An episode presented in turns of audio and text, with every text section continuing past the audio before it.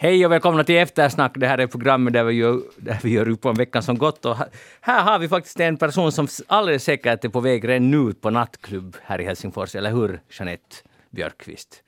År 2021 så skulle jag nog kanske säga att svaret är nej. är du inte? Men, nu Men är... skulle du ha frågat 2001 01. så skulle jag ju redan vara där. Just det. Ah. Men tiderna förändras. Ja, förändras. Tiderna förändras. När har du senast varit på nattklubb? Nå det där, det var nog inte det här året eller i fjol. Det, det. Men det beror på vad man menar med nattklubb. Ja. Du, har ju nog varit på krog. Nå, krog har jag varit på.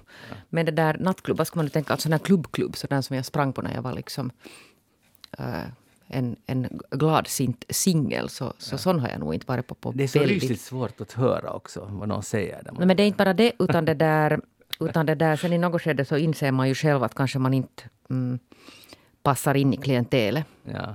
Vet du, med 20-åringarna. Att man An- måste också inse sin egen utveckling. Jag förstår. Det, det är bra. Det är, alla har inte den självinsikt. Nej, det vet jag. Eh, Maria Waström har anlänt från Ingo. Eh, blir du nu i stan och hänga för att kunna gå på nattklubb till klockan fem? Nej, det hade jag inte tänkt. Ah, inte? Men å andra sidan så har vi ju friare regler där ute på landsbygden. Där på era nattklubbar. Ja, ja det, det, bara det att det finns inte så många nattklubbar. Men faktiskt här om veckan när jag var på restaurang så, så märkte man att människor var så glada och så här, de hade varit på konsert eh, då innan. Så det blev alltså spontant, så att det blev dans. Det var, inte, det var helt på en restaurang, det var inte alls planerat utan folk började dansa. I Ingo. För de var så glada. Eh, det var i Billnäs. Råder det inte dansförbud? Det är ju lite Nej, inte Billnäs. oroväckande. Men jag, jag, man blir ju glad. Ja. Man blir, jag heter Magnus Sundén, programmet Eftersnack. Tekniker idag är Risto Sa- Salonpää och vi ska nu köra hårt. Vi ska återkomma till coronapasset som ju är nog kanske dagens största nyhet. Men först ska vi försöka förstå oss på vad som händer i regeringen. Det där, Sanna Marin och eh, Antti Kurvinen och andra centerministrar är i luven på varandra.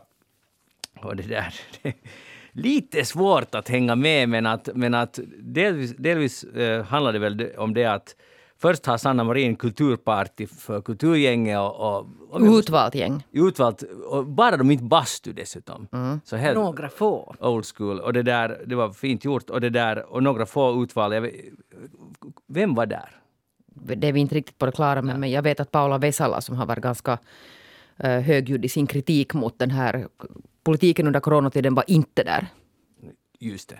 Okej, så det finns, det var säkert selektivt. Och sen hade då Sen gick eh, kulturminister Antti Kurvinen ut med de här besparingsförslagen och, och hänvisade, till det är väl 18,4 miljoner, de här Veikkaus-tipspengarna som försvinner och eh, att nu kommer nu kultursektorn att lida. Då blev Sanna Marin eh, sur, då twittrade hon på torsdag att Socialdemokraterna står verkligen inte bakom det här. Och så nu då var fighten i full gång och nu spekuleras det om ah, antingen det var en fälla från Centerns sida eller att eller så är Sanna Marin dålig att kommunicera eller sen har Kurvinen varit på något sätt, ja, jag vet inte hur man ska tolka det här, men mycket, det går i kors här. Vem hejar ni på här? Jag hejar inte på någon, utan jag tycker bara att det är hemskt ledsamt att det, där, att det har blivit på det här sättet. Ett sånt här rodd, som man säger i Borgo. Eh, men korrigera mig om jag har fel. Men det var väl så att man visste att det kommer att komma nedskärningar. Och sen gick han alltså ut med sin lista. Och om jag nu har förstått det rätt, det är inte helt lätt alltså att ha ordning på det här. Så fanns det någon form av konsensus, trodde man, inom regeringen att de här bortfallna, alltså de pengar som faller bort, ska man försöka kompensera och hitta i någon annan budget. Men sen alltså mitt i det här så gick han ut med sitt förslag alltså på, på det där nedskärningar. Och då hade hon just innan sagt att gå inte heller ut ja. Med det. Så här tror vi kanske att det har gått till. För att hon sa att det här ska lösa sig. Vi, har, vi är överens om att det ska lösa sig på ett annat sätt, men vi måste bara hinna snacka om det. Och han hänvisade till tidigare, eh, och det var någon informationsförfrågan där han måste besvara. Så tänkte han att han går ut med det innan det hinner läcka ut på annat sätt. Ja, och nu är det väl så att, att nu vet ingen riktigt att var, att var, var slutar det här. Att, att det fanns den här dryga 18 miljoner. Men är det nu så att de här 18 miljonerna kommer att hittas någon annanstans? Förstår ni? att Är det sen i princip så att hela den här stormen som nog säkert har tyngt de här redan ganska tyngda kulturmänniskorna. För att det var ju ganska, det var ju helt förfärliga förslag till nedskärningar som kom. Mm. Alltså indragna stöd för att köpa in sådana små tidskrifter etc. etc. Alltså riktigt alltså katastrofala följder för kultursektorn. Så jag, på något sätt att, att om det plötsligt sen visar sig att allt det här var i onödan så tycker jag nog att det var otroligt misslyckat. Då är det nog dåligt, dåligt ledarskap också från Samarin. Liksom att hon inte har lyckats få fram det här. Nu, nu ska, vi, ska, vi ska ännu snacka igenom det här. Att ja. det inte har gått hem. Eller? Ja, hon försökte ju säga det, men att det tyckte han väl då redan att det var lite sent kanske. Ja. Och samtidigt så kan man ju tycka att det var lite sent, för de har ju gått igenom budgeten redan och, och, och slagit fast hur den ska se ut. Så att nu, nu är det ju lite godmorgon yxskaft. Men förstås kan man ju se det som, som så att, att hur mycket ska kulturfältet lida? Men det är ju som sagt godmorgon yxskaft. Kom ni på det nu efter mm. den här festen? Ja, det är faktiskt ganska mycket God morgon yxskaft i det här hela. För det, också, det blir bara på något sätt så, som en parodi också att bada bastu med dem och sen kommer det typ dagen efter, att, eller var det samma kväll eller genast efter, att det här vi ska ändå skära ner. Och då blir det ju jättepinsamt. Mm. Och hon har säkert tagit på näsan ganska hårt där. Alltså, alltså, det är ju inte så bra för hennes profil. Det här politiska ledarskapet har inte förändrats någonting Nej. under decennier. Det är ju så det här har alltid fungerat i det här landet tydligen.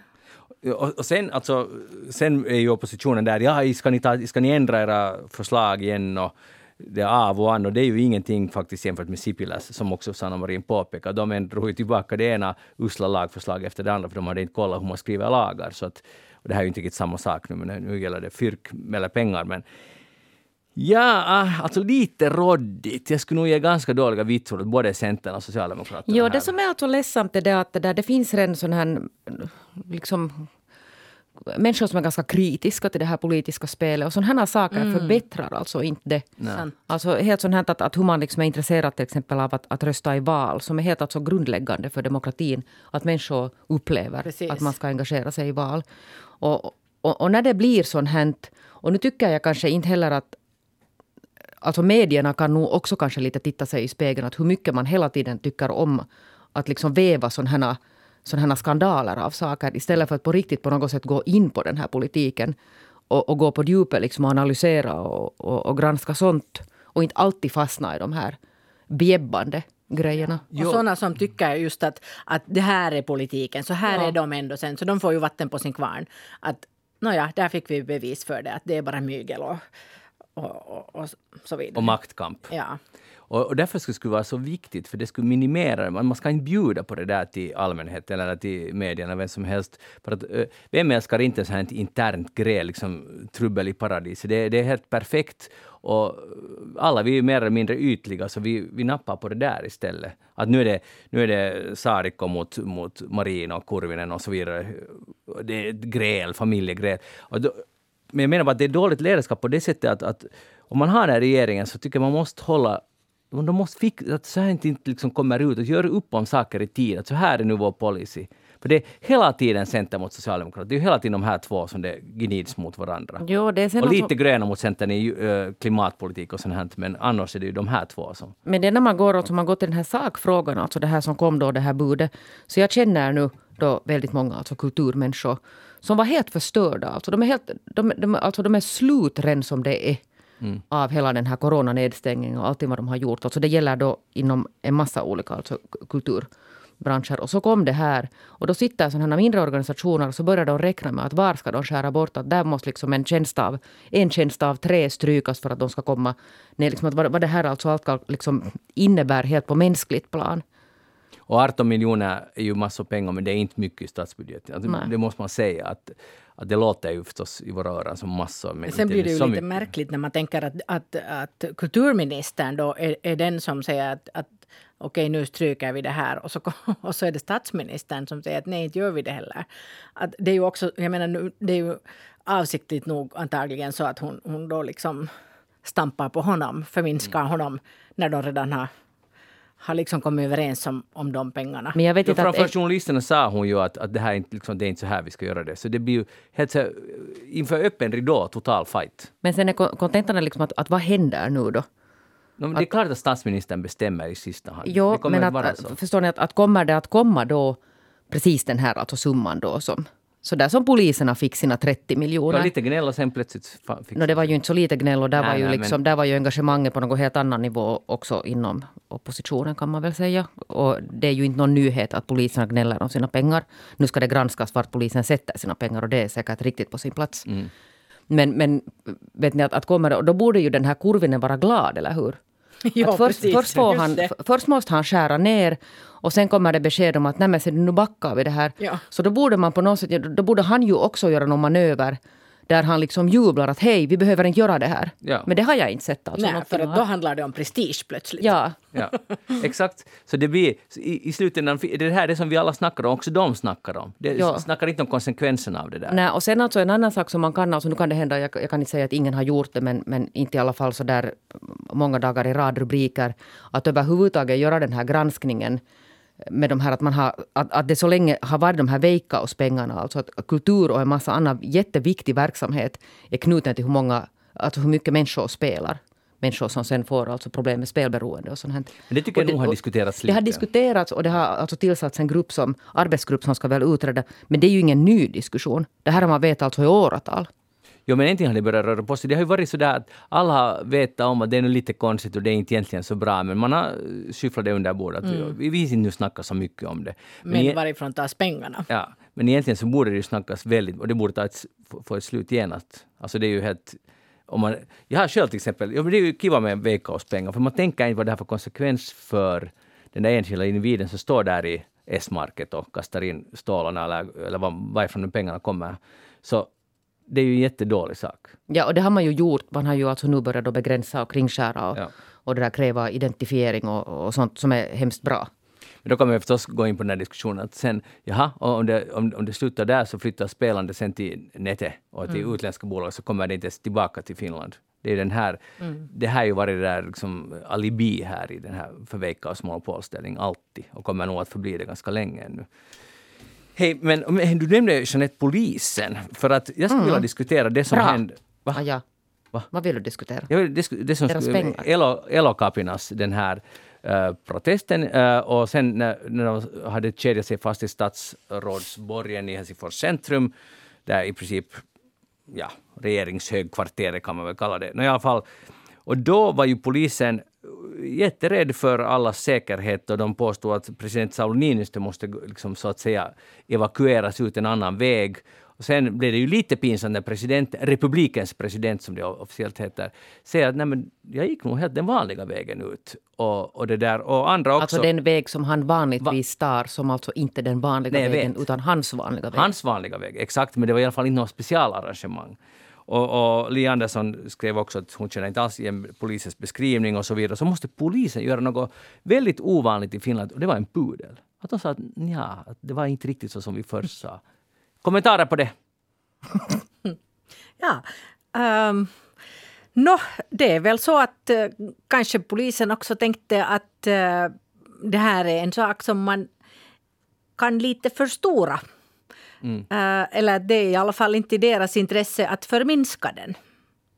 Med tanke på att det pågår, alltså det in, har inletts en rättsprocess mot eh, ett gäng poliser som sprutar tårgas på sådana elokapina människor som satt på en gata i Helsingfors för inte så länge sedan. Sen kan det ju hända att de tänkte hemskt mycket på vad som hände i Washington och så tänkte de att det här kommer nu att bli jättefarligt. Och, Men man så fick ju drar den- man i den där dramatiska växeln. Men man fick ju först en sån här uppfattning när man, man läste den här polisen som att de håller på att storma alltså hela Ja. byggnaden. Förstår att de står där och försöker ta sig in och, och angripa. Och det var ju inte alls så. Nej, men jag undrar bara, det var lite amatörmässigt att gå ut med sån här information. Alltså, jag, jag är helt jag är så här förundrad. Att vad tänkte de riktigt? Att de skulle komma undan med det där? Alltså det är ju... Och det verkar så otroligt att fiskande efter liksom... Just att man ska få den här associationen till Capitol Hill, Hill, att det var samma grej här nu i Finland, vilket det ju då bevisligen inte var. Sen, sen kanske någon tyckte att det var alldeles för mycket redan att de var där eh, och hade kedjat sig fast, att de kommer för nära makten. Och, och, då, och polisen hänvisar också till att de kan inte acceptera att man försöker påverka beslutsfattare i Finland. Men det är väl alltid en demonstration gör, var än den är. så Det är ju det väl- som är andemeningen. Jag skulle vilja påverka nu de som bestämmer. Men nu sa polisen, det är inte... Det är Kan du gå ut dit i parken där ingen ser dig och ingen störs och Skriv påverkar. ett brev med papper och penna. Men det är inte bara polisen. I dagens HBL, Husis, så är här en stor artikel om... eh, Ja, nu måste, det här har vi det. Peter Buherta skriver om, om eh, klimataktivister är rädda för att hatretorik normaliseras. Och det här är tyvärr en rubrik, man kan byta ut, ut ordet klimataktivister till massa andra ord, men i alla fall eh, inte hatretoriken i sig, utan jag, som, jag är jätteintresserad av att diskutera hatretoriken mot. Att, för enligt den här artikeln, om vi utgår från att det stämmer, att de blir utsatta för väldigt mycket glåpord, också så att säga digitalt och också rent på plats där de demonstrerar. Liksom, folk är förbannade, eller många människor är Och där har jätte ju väl varit någon slags sån här eh, motdemonstrationer. Så kallade motdemonstrationer mot mot. Så kan ni försöka, Maria, du var, vi har talat om det här tidigare, men om du skulle måste analysera det. Varför är människor så rasande? Är du arg på dem, elokapina? Uh, no, jag har funderat på det. Nej, jag är inte arg på dem, men jag, ser, jag hittar nog också i mig själv alltså en sån irritation Ja. över att varför måste man hålla på på det där sättet. Låt allt komma ut, för jag, jag vill höra det här. Berätta. Ja, berätta. Och, det, och det har jag funderat på. Att, att, eh, att, vad kan man liksom sätta fingret på där? Jag tror att den där irritationen som många känner, att, att måste man bråka på det där sättet Mhm. och, och ställa till för andra på något sätt. Okej, ja. ja. Och, och sen kanske en del drar det lite till sin spets då. Och, Vilka en del? Alltså, ja. Nå, när man tänker, när man blir så otroligt förbannad som en del tycks bli. Att ehm, hos mig själv så kan jag tänka att den här irritationen stannar liksom där. Och, och det, det går inte desto längre. Men att... Men, men vänta, du sa att, att, du, att det enda jag fick ut av substans var det du just sa, eh, eh, var att, att måste de bråka så? Om vi, Ja. vi går in i det där citatet. Vad, vad, vad, liksom, nu vad menar du? nå, det handlar väl nog om att, att, att det liksom skiljer sig så pass mycket från uh, gängse sätt som man påverkar. Eh, att, eh, det här att man, att man liksom... Dels kanske att man ställer till problem för alla andra. Alla andra? N- nå, de som just rör sig där till exempel. Eller såna människor som nu... Inte vet jag. Um, och sen kanske, ja, det är nu väl... Man går liksom lite för långt kanske i det här sättet att påverka på något sätt. Att, att det finns ju nu, nu finns det ju många, många bra sätt att, att påverka också i, i klimatfrågor. Och de, jag menar, de följer inte det. Och det är klart att det finns där, fast det kanske inte alltid är uttalat. Men det finns också en i den här Um, Ähm, rörelsen ett liksom behov och ett intresse av att eh, störa, göra olagligheter och gå just över gränsen. Och, och, och ställa till med liksom förtret. Att, att man håller sig inte kanske riktigt till de här. Och det är ju det som är meningen. Man vill ha uppmärksamhet. Man tycker inte kanske nödvändigtvis att det är så farligt att man blir haffad av polisen. Utan det är kanske bara en, en liksom, ett mått på att nu har vi fått my- mycket uppmärksamhet. Det är väl sådana saker som, som kan lite irritera. Och hur ehm, känner du dig... Det blir, det, det blir inte alls så där... Din reaktion blir inte alls att, att eh, lyssna på vad de har att säga? Nej, det är ju just det. Det är, Nej. ja, det är kanske det som det handlar om.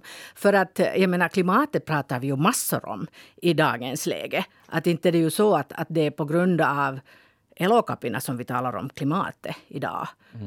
Eh, utan det är ju nog helt på grund av alla andra. Men, men är är det inte ganska intressant att, att Queen Elizabeth, det, det, det var någon sån dold mick, eller de hade filmat henne på något möte och hon var lite så här irriterad på att man inte ännu vet vilka statschefer som kommer på det här klimatmötet som nu ska hållas i England. Och, och, och då sa hon att, att hon är så störd på, på alla de här politikerna som bara snackar och gör ingenting. Och det lät ju nästan som ett Elokapina-citat. och vad säger du nu?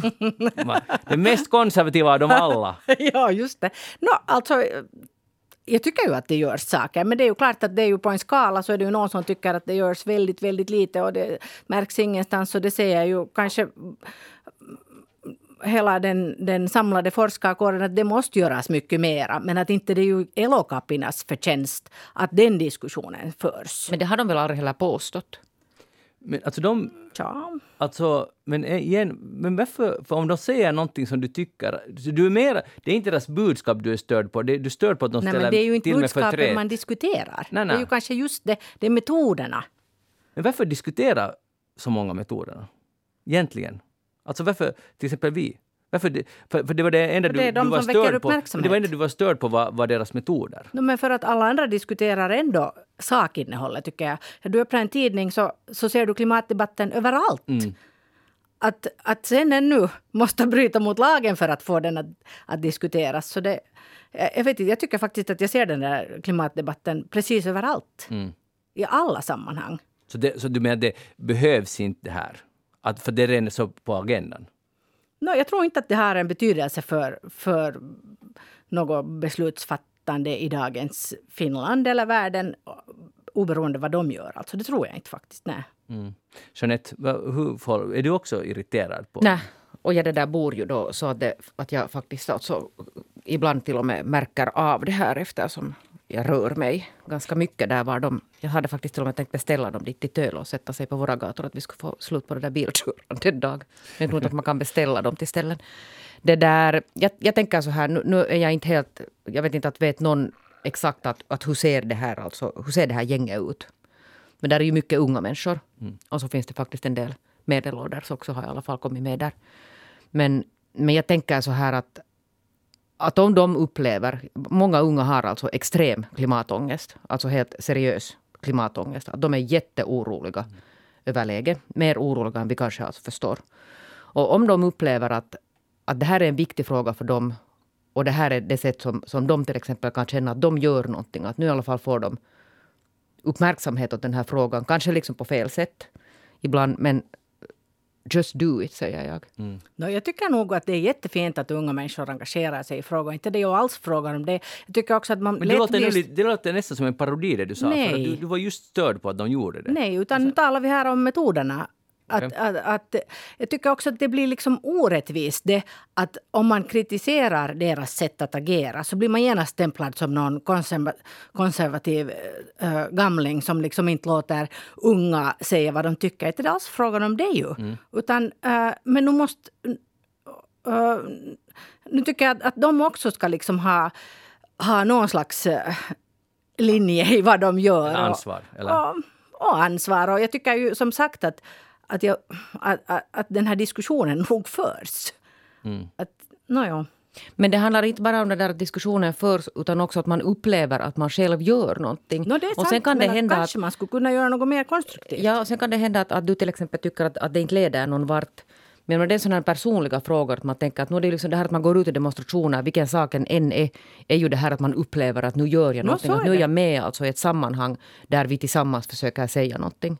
Ja, och det är viktigt att man vill engagera sig. Och jag hoppas att det inte blir så att bara för att man lite kritiserar då just de här så, så ö, upplevs man som en människa som, som tror att människor inte får demonstrera eller inte får liksom höja rösten. Inte det alls frågan om det. Utan ö, det är klart att, att jag- jag menar, lyfta på hatten faktiskt för alla och speciellt unga som vill engagera sig och göra saker. Jag hoppas att de orkar göra det, men kanske inte riktigt just på det här sättet och inte så att man, att man liksom äh, bryter mot lagen. Men man tänker till exempel den här Mannerheimvägen där de har suttit. Och så talas det om att det blir total kaos. Hela staden alltså går i, går i stå för att, för att de stoppar det. De blockerar ju alltså trafiken, det är vad de gör. Att vad är det egentligen som händer där? De blockerar alltså spårvagnsskenor. Det kan man väl tänka då att spårvagnsskenor är fast i marken och, och de kan inte ta omvägar. Bara att det kan de. Det finns alltså alternativa rutter runt. Så folk Att måste det- åka bil istället. Nej, det behöver man Nej. inte alls. Utan man åker alltså en annan väg med spårvagn. spårvagn. Man styr om spårvagn. De har ju kunnat gå alltså, fast Mm. det har varit där. Att, att det målas ibland ut som att det, att det är mycket värre besvär. Och sen kommer någon dragandes med den här, ja men ambulansen och polisen. Och vad jag nu har förstått så har det nog varit så att om det har kommit uh, sånt här fordon om det har kommit, jag är inte säker på att det har kommit, så har de nog gett plats alltså åt de här, det får man ju utgå ifrån. åt Ja, de här eh, utryckningsfordon. Alltså, den, här, den här debatten om trafikarrangemang är nu en sån här icke-debatt. Det är ju helt, jag tror egentligen alla skulle kunna vara överens om att det är nog inte... Men sen tycker jag det är, Men det är ju där man far fast jag vet, alltså men det här att det är, och det är det, det som är så tragiskt, det är så svagt. Jag tycker att det är mycket viktigare den här diskussionen som Maria tog upp. Att jag eh, lyfter på hatten att du säger sådär, du tycker sådär och det, jag tror att många tycker som du. Ja. Men, men, men för att det, det, vad jag menar, det är en icke, att börja sitta och snacka om att eh, vid den dagen så kunde man inte åka den och den Nej, sträckan. Det men blir det helt tycker jag inte heller. Ja. Inte det heller. Och det spelar absolut ingen roll för mig som inte bor i den här stan och som aldrig behöver åka där. Så det, inte, inte tycker jag heller att det handlar om det.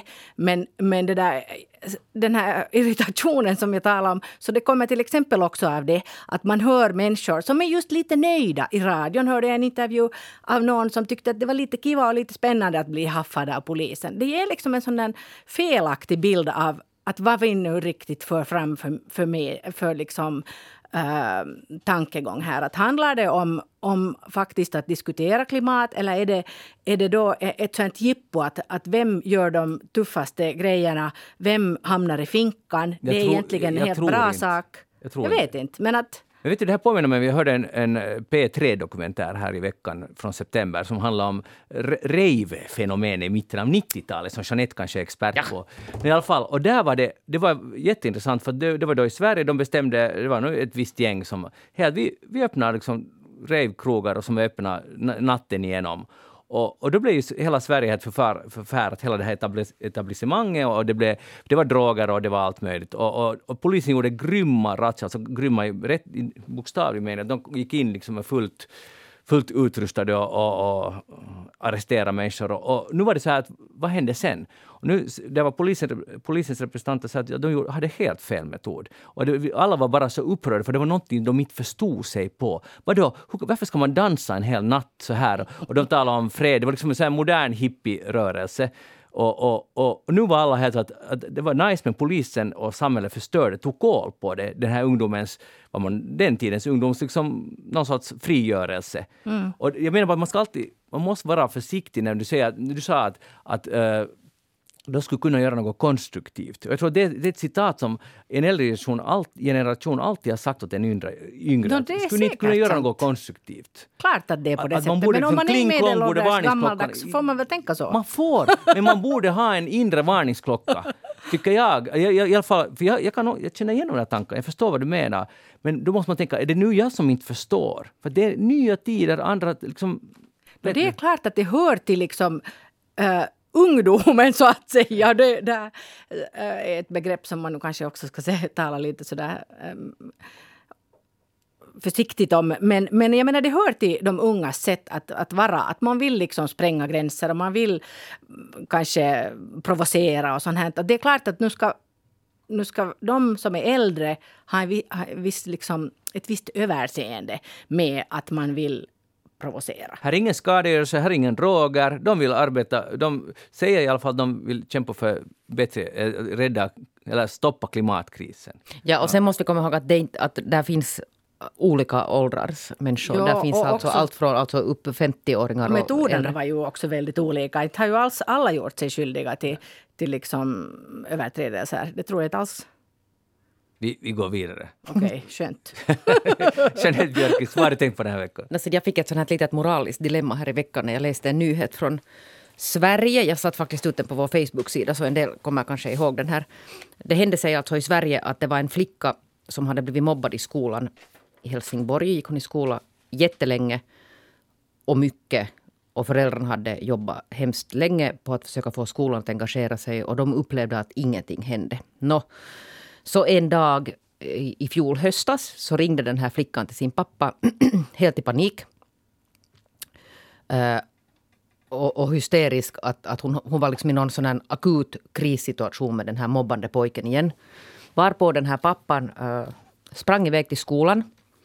Eh, sen knuffade han undan en lärare som försökte stoppa honom alltså från att komma in där, där till det här klassrummet där den här mobbaren fanns. Och sen, eh, sen ställde han sig, när han slog näven i bordet åt den här mobbande pojken och skrek att vad fan håller du på med? I, inne i klassen? inne i klassen. Och sen tog han sitt barn, alltså den här flickan därifrån. Nå, så blev det här en rättsaffär. Jaha. Hur, hur gamla var barnen? Jag missade. Knappt 11, det betyder alltså att hon var 10 år gammal. Så Okej. hon måste rimligtvis ha varit alltså en fjärdeklassist, skulle man tänka sig. Ja. Fyran, femman, något sånt. hänt. Eh, Nå, så blev han det där åtalad för två fall av ofredande. Alltså dels mot det här att han knuffade den här läraren och sen att han hade skrikit åt ett barn. Alltså pojken var ju då förstås lika gammal. Och sen olaga intrång för att han hade sprungit in på skolan utan lov. Och hur skulle ni ha dömt i det här fallet? Jag skulle ha dömt för den där uh, skuffande av läraren. Och också olaga intrång, för det var det ju, olaga intrång. Men sen skulle man ge ett lite förmildrande. För att han För agerar... den här alltså liksom verbala angreppet mot det här andra barnet. Nej men förmildrande på det verbala angreppet skulle jag inte gett nästan något, eller ingenting för. Om du nu vill att Jo, vi ska jo, bli jo, domare och sen Ja. ska jag förmildra de där andra med säga att så här hör du Peter, får man inte göra. Att du, du ska inte göra så här mera. Och det där och sen, och sen eh, ja, ja. Nu, nu tycker jag att det är helt okej att han får bli dömd, men det måste vara väldigt milt för att han agerar ju så som varje god förälder. Alltså inte kan man ju tolerera sånt här. Så, men, men lagen, som Maria just har lärt oss, är viktig att följa. Ja, precis. Jag tänkte just att det här är ju egentligen samma sak, bara åt, åt andra hållet. Det är liksom någon som försöker försvara sina rättigheter men har inte riktigt de rätta metoderna. Det, Nå. det var civil olydnad Ja, i en annan ja form. precis. Ja, det gick Ja. alltså så att han blev faktiskt alltså då friad på alla andra punkter. Han fick reprimander för det här att det var inte så okej att skrika åt ett barn Ja. med den här ofredande alltså för den här pojken. Så det, det föll i tingsrätten. Sen blev han dömd till böter för ofredande av läraren. Alltså det att han hade knuffat undan Ja. den här läraren för att komma in.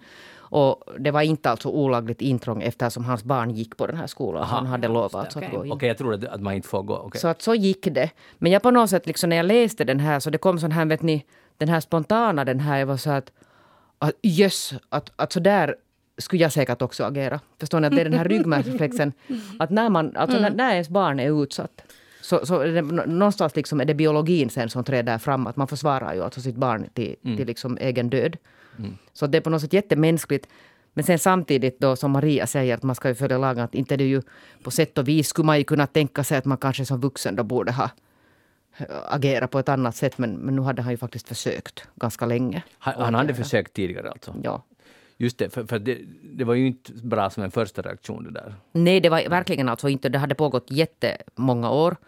Okej, om det har pågått många år, vad ska man flicka, då och, då, göra? nej, och flickan hade blivit, hon hade blivit sparkad och kallad liksom könsord, det vill säga säkert det här H-ordet och sen mordhotad och allt möjligt sånt här. Och det här bara pågick och pågick och pågick och pågick. Och det kan jag nog ha alltså en förståelse för, att man blir så frustrerad i, i dess skede då man upplever att de här just vanliga metoderna helt enkelt inte leder någon vart. Och det är väl just Det är ju samma sak elokapina. Det är precis, ja det är ju nog det. Och, och den här... Ehm, för att eh, det handlar ju egentligen om att... Eh, alltså i skolorna idag så så är det, jag tror att det är många som upplever att det är så. Att de metoder som är tillåtna helt enkelt. Så det räcker inte riktigt. Att, att ibland så kanske det krävs att man faktiskt visar både med känslor och med allt annat att det här går inte. Men eh, så gjorde man ju förr alltså. Men det och det var inte alltså- säkert alltid så bra. För att det här delas sen där på vår Facebook så det delar alltså åsikterna ganska kraftigt. Att en del var just sådär som jag, att, att så där gör man sen när man är tillräckligt trött och frustrerad som förälder. Och sen den andra som, som den här på något sätt förväntan att man ändå som vuxen ska kunna agera sakligt. Och det är nog jätteintressant Ja, den det här är ju att, att det är på något sätt hemskt ofta så att, att den som är utsatt, den som alltså är ett offer i olika saker, alltså olika former av brottslighet, alltid förväntas vara den som är klok. är är klok och agerar rationellt. Det är samma om man nu går till exempel till de här sån här hatretorik på nätet. Så det finns det här gänget som alltså får ösa hur mycket som helst och hur mycket som helst och hur mycket som helst åt de här så att säga tolkunihmiset. Ja. Och sen när tolkunihminen Ja. en gång alltså faller ner till samma nivå och svarar, alltså sådär, det, som också kan komma ur en sån här djup frustration av att hela tiden vara utsatt, så då är man liksom pam där. Att man får aldrig tappa på något sätt nerverna när man blir utsatt för sådana här Nej, det är en bra poäng det Mm. där. Det är helt sant. Jag håller helt med. Eh, och jag tycker att här är en viktig poäng det där också att han har försökt den liksom civila, lagliga vägen. Om, om det stämmer då det här, vilket det uppenbarligen gör, att han har försökt kontakta skolan och göra just enligt bokstavstroget, så att kontakta skolan, kontakta de berörda vuxna om ingenting händer och det pågår i flera år. Vad ska man då göra? Ja. Och inte skadar han ju någon i det här fallet. Att inte Nej. är det ju på det sättet. eh, Nej, det var ju inte så att han slog den där Men nu, helt säkert så, så hade det en verkan.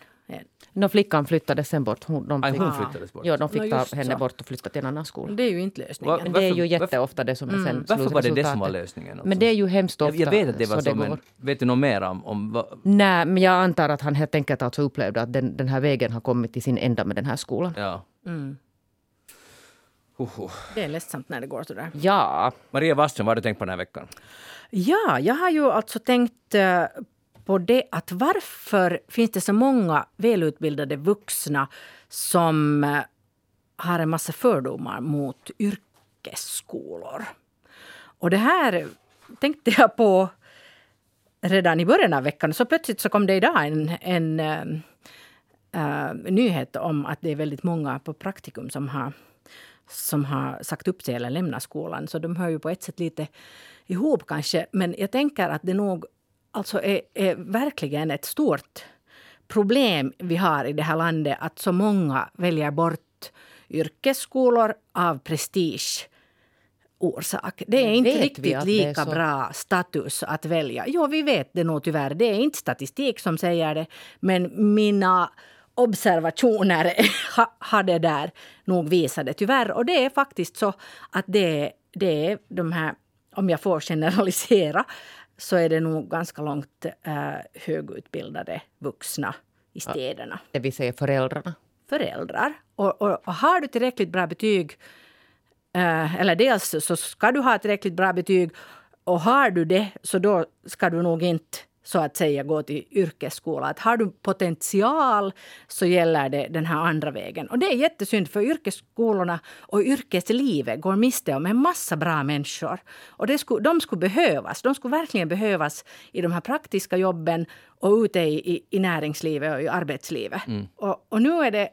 Det blir ju en, en ond cirkel också av det här. Det vill säga så att att, att det är kanske ganska många omotiverade som väljer då, äh, att gå till yrkesskolor.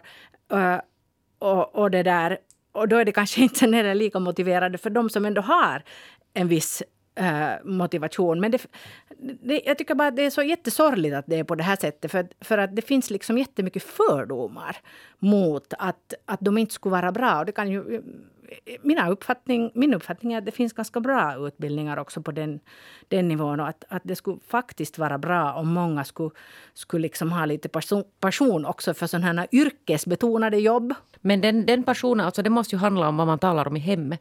Det är ju hemmet mm. som jätteofta styr. Mm. Att, jag tror ju inte att det är den här... Studiehandledaren? Ja, det vet jag ingenting om. Det borde Mischa svara på som har varit studiehandledare i och för sig i gymnasiet. Men att det skulle vara någon slags sån här social press runt omkring i samhället som styr att unga inte söker sig till ja. yrkesskolan. Jag upplever nog att det finns en sån. och jag tycker att den är starkare i städerna än den är ute på landsbygden. Men att förstås är det en generalisering, det medger jag ju nog. Alltså, säkert. Och jag, inte, jag menar, du har inte kanske nu någon fakta för det, bakgrund bakom det Nej, men jag har ett barn någonting. som går i yrkesskola och jag har ett barn som går i gymnasium. Och jag har sett alltså reaktionerna, så att säga, mm. hur, hur det omgivande samhället noterar. No, jag har ju sagt redan länge, alltså det har ju visat sig att förr i världen var det ju så att man skulle man var lite utvald och gick till gymnasiet och så var ja. man ännu mer utvald och blev högskoleutbildad ja. och så hade man en garanterad arbetsplats och det är ju verkligen inte så mer. Nej. Det så att ska man ha en garanterad arbetsplats så ska man nå via yrkesskolan. Ja, no, så är det, det definitivt. Ja. Rakt ut, och där är den här, och bra också, löner får många av de här En det får, andra får ju inte. Det är klart att inte det, får man som akademiskt utbildad heller. Nej, det stämmer. Det stämmer. Ja, man får skriva många ansökningar. Det får man göra som akademisk. Och sen tror jag alltså att om vi bortser också från de här frågorna så också om man ser samhälleligt så skulle det vara jättebra att det skulle finnas alltså de här ambitiösa människorna som skulle välja en yrkesinriktad äh, bana. För där finns alltså så mycket viktigt jobb som borde göras.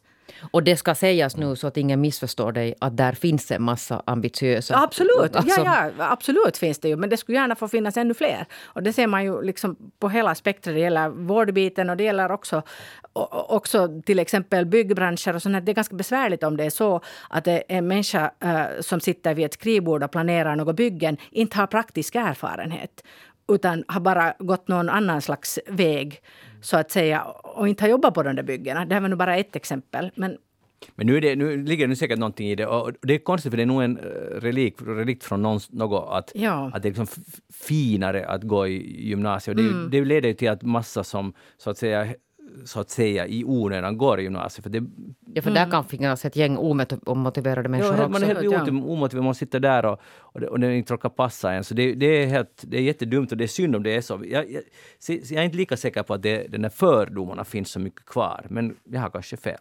Ja, no, vi hoppas att det inte är på det sättet. Men jag tror nog också att det... Jag tycker att jag får också signaler från, från liksom sådana som, som har valt yrkeshögskola som ju är, är yrkesbetonad men att där är ändå studierna är ändå väldigt teoretiska.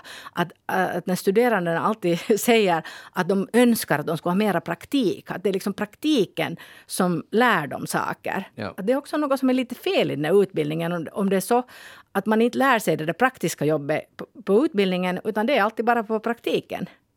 Det är ju ganska jobbigt också för de som ska, som ska ha de här praktiserandena, eller som egentligen då skolar upp dem så att säga i, i arbetslivet. Sen har det väl funnits vissa problem alltså med de här yrkesskolorna för att det har skurits ner och det Nå, har det varit alltså det. så här långa avstånd och hur liksom läraren Ja. har varit, alltså om man bortser nu från corona, men att, att hur, hur, hur den här närundervisningen är, är det där och det- eh, organiserad och det är alltså det faktiskt långa vägar ihop. vet jag, Ja. som kräver att de här ungarna är motiverade för att orka stiga upp klockan sex för att kunna ta Absolut. sig liksom till en yrkesskola som ligger alldeles för långt borta.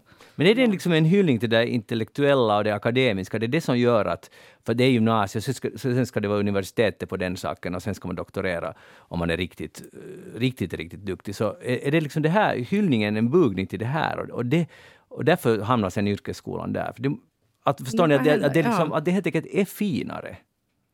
Ja, fast det, det har ju nog svängt sådär om man tänker på, på, på just arbetstillfällen. Att förr var det kanske så att om man hade en bra utbildning så fick man ett, ett bra jobb. Men det är ju inte nödvändigtvis på det sättet för att, för att det är ganska många som går den vägen idag. Och, och det är ju ganska trist om alla i hela landet ska sitta vid skrivbord och jobba. Och vem ska göra då? Och inte kan någon jobba heller för det finns inte jobb för alla. Nej, sådana- precis. Att det, Det är projektstipendier som man får söka. Om man Jag kan det. säga att min eh, storebror helst bara till Borgo som är bilmekaniker så han har nog säkert förtjänat mera pengar i sitt liv än vad jag har gjort eftersom han var ute i Mm. yrkeslivet jättemycket snabbare än den här liksom sopan som bara surfar Men, omkring i akademiska världen. min tanke är alltså att jag skulle, jag, jag skulle vilja att, att man skulle höja den där statusen för de här yrkes... Det kommer att komma om det här stämmer nu, Jeanettes analys, jag vilket har, jag alltså, tror. jag tror. har alltså för mig nog att det, den där alltså, det har hänt redan. Det har nog talats ganska många år om det här att ska du ha jobb så ska du via Ja, yrkesskolan. ja men, och, och, och jag tror verkligen att man gör en björntjänst nu med de här uh, nedskärningarna. För det är ju som du sa, just det där med närundervisning är så otroligt viktigt. Det har varit avgörande alltså Ja. yrkesskola.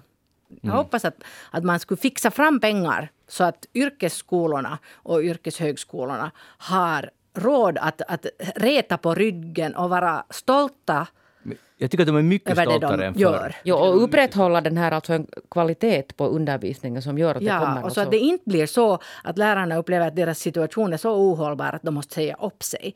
Som det tydligen har, har, har hänt. Alltså. Praktikum, ja. Det kan man läsa mer om på svenska.yle.fi, den, den grejen. Hej, alltså, har ni något sorts förhållande till revar?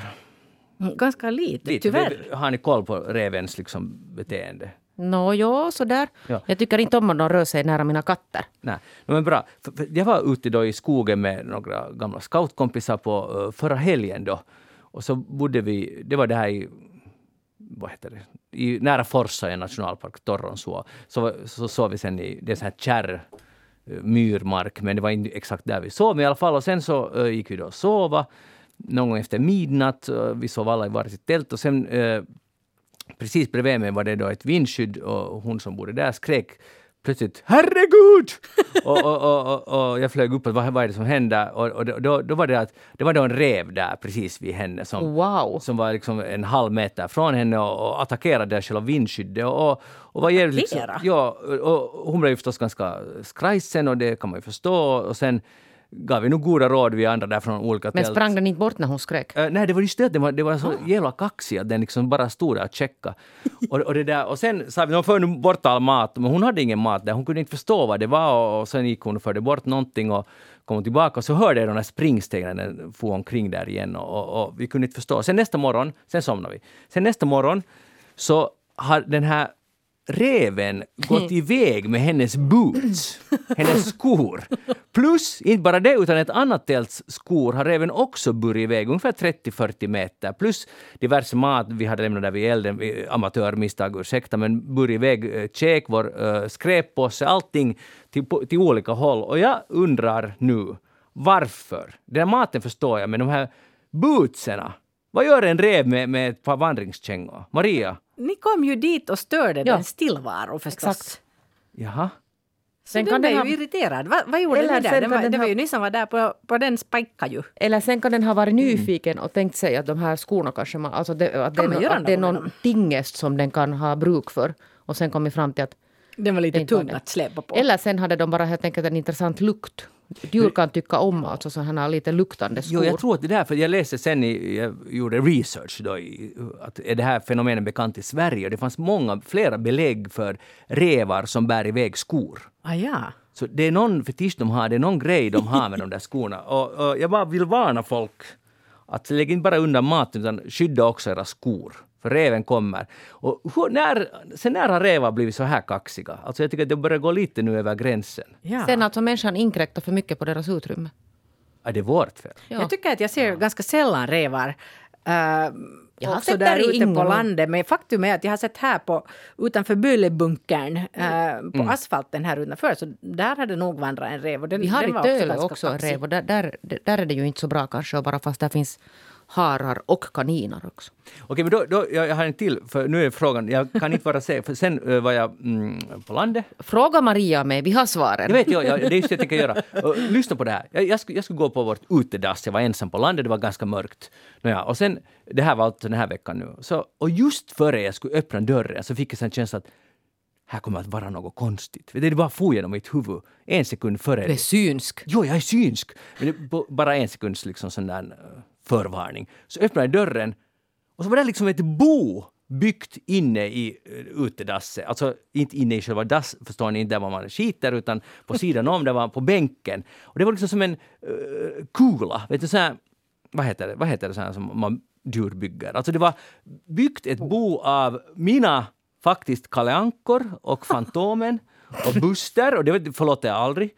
Jag hade byggt en sån här rund, liksom, som ett bo och, och, och tuppapper, bitet ihop och massor av löv. Jättestort jobb har någon haft. Alltså du går inte så ofta på tuppen då? Nej, vi, vi har varit på två veckor. Ja, okej, så du hade inte varit där Och, och, och, och där var det, och det var helt kaos. Det var helt, liksom, allt var helt upp och ner. Och den luckan dit ner till, dit var man då eh, kakir, så den var bortlyft. Och full kaos. Och nu är frågan att var det här en rev eller var det någon sorts musprojekt? Och, och först tänkte jag att det är reven. Men sen tänkte Men jag, var var det här boet? Var det nere på... nej, uppe på bänken, liksom där var man sitter. Hur stort var det här? Kan du Det var ungefär 75, 50 centimeter gånger 50, som en cirkel. Ska vi ringa naturväktarna? Jag tänkte att, att naturväktarna, naturväktarna, hör ni Ja, oss? hör ni oss? Kom, skriv på Facebook. Och, och grejen, Jag, jag skulle nog säga att det där inte är en rev. Alltså, alltså, de, de, de, de, de har ju gryten, alltså de, gräver ju ner sig. ja, just det, så det kan inte ha varit rev.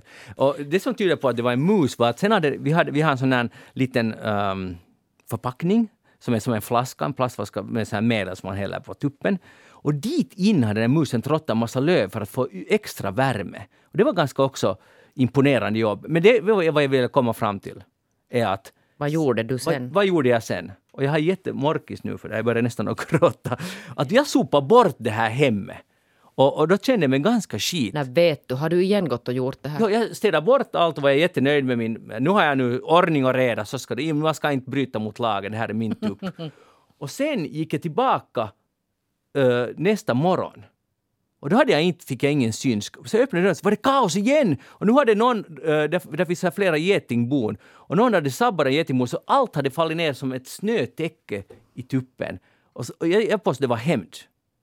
Eller sen var det någon som sökte sitt hem Ja, och, och att var, var är mitt hem, var är Ja. mitt hem? Och så den här getingkupan som ser ut lite Ja. rund. Sån här. Alltså jag tycker att det här är helt förskräckligt. Kunde du inte ha låtit dem vara kvar där? Alltså nu har jag ju i färskt minne den här när du har låtit den här musen dö under smärtsamma, långa, utdragna processer Mm. i ditt skåp. Ja, det plågar mig ständigt. Att du inte lärde dig någonting av det. Nej, jag gjorde inte. Men Maria som är uppvuxen i Ingå, eller bor i alla fall Jag är också uppvuxen på landet. Ah, ja, men du är en sån Tölebo. Du, du har jag- mandat att tala om det här. Vi är ju som känt lite mer brutala. Så Jag att, vet. Ja. Vad skulle du ha gjort? Bränt upp det här bordet? Jag skulle nog ha gjort samma som du. Jag skulle nog ha städat undan det och tyckt att det var lite äckligt faktiskt. Men du Ja. bor där. Men, men att, eh, jag menar, nu får den ju, den kan ju ha sitt hus, det finns ju många möjligheter för den att ha sitt hus utanför. Att Söndrar tycker jag det nog att den behöver ha sitt hus just inne i ditt hus. Men den tänkte väl att, att, att här är skydd för regn och så här. Ja, och men jag tror inte kommer. att de är nu så kräsna av sig. Ah. Jag tycker att det är skönt att den inte kommer in i riktiga huset åtminstone. Ja. Men det är ju nästa sen. Ja, men Jeanette, Som en hämnd, som, ytterligare jag, hämnd. jag, lite nu, jag känner mig lite i underläge för att det här, det här tycks nog... Ja. Det är inte säkert att jag går med ut Men jag vill veta, segern. tog du, tog, söndrade du det helt bokstavligen? Krossade här dens? Nej, så det, inte hade den en fast form, det var liksom inte någon stålkonstruktion utan det var, det var liksom läckt. format. Det hade, Du tog, inte, du tog ingen bild nu av det här? Nej, och det, det är hemskt svagt. Mm. Jag blev så chockad. Och, Men, men jag sopade undan det och så satte jag det i en sån här svart uh, soppåse. Du har agerat i affekt. Ja, jag fick, men jag, alltså, helt all, allvarligt talat, helt så, här, så jag hade lite morkis. För jag tänkte så här, jag har ju faktiskt förstört någons hem Till vintern. till vinter. Stort Nu hade jobb. den ju också lite förstört ditt. Inte hade den ju förstört det, men lite så här, den där irritationen, du vet. Ja, jag vet den där, Maria, jag Ja. vet den där irritationen. Jag vet precis vad du menar. Så jag, jag anser nog att jag gjorde rätt, för att det är, det är hårt. Det är djungelns lag, eller Pargas lag i det här fallet. Men Jeanette, är du arg på mig nu? Eller? Jag tror nog att du skulle ha gjort samma sak. Nej, vet du, då tror du helt fel. Vad skulle du ha gjort? Min, min man skulle säkert ha gjort sådär och jag skulle ha gjort någonting annat. Men vi, har olika, då? vi har lite olika värderingar. Jag har blivit lite nysver som man Har säger på god finlandssvenska. Kommer det med åldern det där? Nej, det kan nog hända att jag det är medfödd egenskap. Jag, är lite, jag och djur har, vi har ett sånt, här, sånt slags förhållande. Men nära mina katter ska inte de där rävorna komma. Okej. Eller något annat heller. Havsörnarna, usch. Selektivt. Jag vill diskutera avundsjuka. För Mm. att jag läser på, eh, tack vare Twitter, så har jag läst en il- artikel i Iltalehti om Katja Meriläinen, 33 år gammal, som har sju lägenheter i huvudstadsregionen, så här placeringslägenheter. Och, och, och debatten rasar nu, för hon, i artikeln så antyder de att hon, hon börjar från noll, som 17-åring började hon att spara stålar och nu, nu, har, nu är hon 33 år gammal alltså, så hon har lyckats väldigt bra med sina investeringar. Och nu, det delar folket. För vissa är grattis, bra jobbat. Andra är, hörde du börjar verkligen inte från noll. Och, och, och alltså ganska hård bitterhet och avundsjuka. Och var skulle ni ställa er? Och nu vill jag bara säga att hon börjar, alltså hon, hon säger Uh, hon, som 17-åring flyttade hon hemifrån och började spara pengar. Hon jobbade och sparade pengar för att kunna köpa sin första bostad. Det ledde till att hon kunde köpa en till. Uh, hon hyrde ut dem och så vidare. Och i den där, var det nu den första lägenheten som var med investerare i den där första lägenheten var ungefär hennes mamma och hennes bror. Men utöver det så har hon skramlat ihop de här stålarna själva. Parentes, det Ja. kommer ett svar att kanske Ekorrbo av Maj har skrivit här. Ekorrbo! Ekorrbo, eventuellt det är för stort för att vara en, en, en sån här, ett musbo. Men till den där, var man ställer sig, måste Ja. man st- ställa sig Ja, för jag tycker att avundsjuka är jätteintressant som fenomen. Ja, no, ja, ja, visst är det. Alltså, uh, hatten av för dem som, som lyckas med något sånt. Men det är klart att, att det kanske inte lyckas för alla. Men eh, inte förstår jag nu varför... Alltså avundsjuka i sig förstår jag mig nog på. Men att det är ju inte bort från från någon annan att hon har skapat. Inte förstår jag, liksom, jag tror att avundsjuka fi- finns när det handlar om människor som man har någon slags relation till. Eh, att om någon har lyckats bra så är det väl en bra sak. Det kan jag inte förstå egentligen att man, att, att man skulle tycka illa om på något sätt. Men jag tror att det mer handlar om det där att, att, att när någon har något som man själv skulle eventuellt kunna ha. Eller om det är nå- någon, ja, kanske som en närmare en. Eller sen någon kanske stor stjärna, inte vet jag. Jag vet inte. Just i de där frågorna så har jag nu svårt att, att, att känna avundsjuka. Jo, jag, jag, jag, verkligen inte känner, inga, jag har inga känslor alls. Alltså, jag, jag Nej, det är just det, att man har inga känslor men jag, alls. blir, men jag, jag får känslor när jag läser människors reaktioner. Ja, alltså det. då blir jag helt att håll truten, eller liksom att sluta. Och jag blir egentligen åt båda, för jag menar det är sån här total beundran, fantastiskt. Jag menar det är, det är ju helt snyggt jobbat, det, var, det är bra. Men, men sen är det de som är så bittra, att du har faktiskt inte börjat från noll. Du, Ja. att du hade, er familj hade inte alkoholproblem helt tydligt. Det kommer liksom all- alla möjliga saker. Det där, är, det där är en sån här sak som jag, det där har kommit med sociala medier. Ja. Det här, att, det här behovet som så många har att, att i eget namn gå ut och berätta att, att vad man tänker, alltså negativa saker. Man är arg på någon, man är avundsjuk på någon. Man tycker att någon är en idiot för att den har fel åsikt. Förstår ni det här? Varför behöver man? Det, det leder ju bara till sånt negativt tänk och på något sätt negativa vibrationer i ens eget liv. Tänk om man skulle försöka vara lite mindre negativ. Ja, eller kanske bara tyst om man känner att man har Ja. just den känslan. Du så kan säga behöver man att oj vad, liksom intress- den. oj vad den åsikten intresserar. Ja. Och när jag säger det så menar jag inte att man inte ska kunna kritisera, det är, det är en annan diskussion. Ja. Men det här att man ska gå och säga liksom elaka, ogina fula saker bara för att nu ville jag dela med mig att du är helt skit. Så då, varför? Ja. Ja, och, och också, jag vet inte vem, tyvärr vem Katja nu i det här fallet men hon är bara en symbol nu för någonting. Ja. Att, att, att det är ju nog häpnadsväckande hur bittert, att det kan ju vara, det är klart att det, världen är ju orättvis. Alltså det, är ju helt, det, är, det finns ingenting att snacka om det. Och hennes noll, jag börjar från noll, kan vara en helt annan noll för någon annan som på riktigt är så att säga helt från noll och den kanske aldrig har en, ens nära på en chans att komma så här långt. Men ändå, att man hakar upp sig på det och är jätte det är extremt negativt och det här är en bra symbol för den här negativiteten som du sa Jeanette. Att Ja, va- och det leder inte till något gott för en själv heller om man är hemskt negativ. Nej. Hej. Illamående. Jo. Ve- Vet ni vad de har forskat i Karolinska institutet? De har forskat i hur snabbt eller alltså ni vet, doft och lukt är ju ganska viktiga saker. Man, ni, ni har säkert alla favorit, båda två favoritdofter och lukter. Okej? Och, Eller och också favorit. motsatta. Ja, motsatta, de värsta lukterna. Och nu har man forskat, nu har man mätt vilken som hjärnan reagerar, kroppen reagerar snabbare på. Det som luktar hemskt eller det som doftar gott. Och gissa vad? Det som är hemskt. Det tror jag också. Ja, rätt! För att vi är programmerade så på 300 millisekunder så flyger vi bakåt och grimaserar och tar skydd. Ja, när det, när det, och betydligt långsammare. Mm, vad det doftar Det är gott. kanske just det där att vi är egentligen negativa till vår läggning. Nej, utan det, det, det handlar säkert om sån här överlevnadsinstinkt. Det att om det är överlevnad. någonting Men jag tycker det är ganska coolt att man, har, att, att det, alltså, att vi att man kan mäta, det går 300 millisekunder, fattar ni hur snabbt det är? Man känner doften och så hinner man göra så här avvärjningsmanöver. Att det betyder Ja. att vi, vi, är, vi är nog alltså, vi är inte bara så här digimänniskor, vi har det ännu kvar. Maria, vad är din värsta lukt? Alltså för tillfället så här fotbollsskor. Jo! Alltså det, det, ja, alltså, Ja. Det måste Känner stoppas. du? Ja, de, ja, Ja. jag vet inte. Revarna kan ta dem. Jag läste någonstans att man ska sätta dem i frysboxen. Va? Ja. Men Men, alltså- det, problemet är att Tillräckligt sen länge. kan man, kanske- man glömmer att ta fram dem därifrån. Alltså vi brukar sätta dem i tvättmaskin men det kräver tre gånger. Åh. Hej, alltså det här skulle vi diskutera så länge om, men nu, nu tar tiden slut. Jeanette Björkqvist, tack för att du kom mm, hit, revflickan som du är.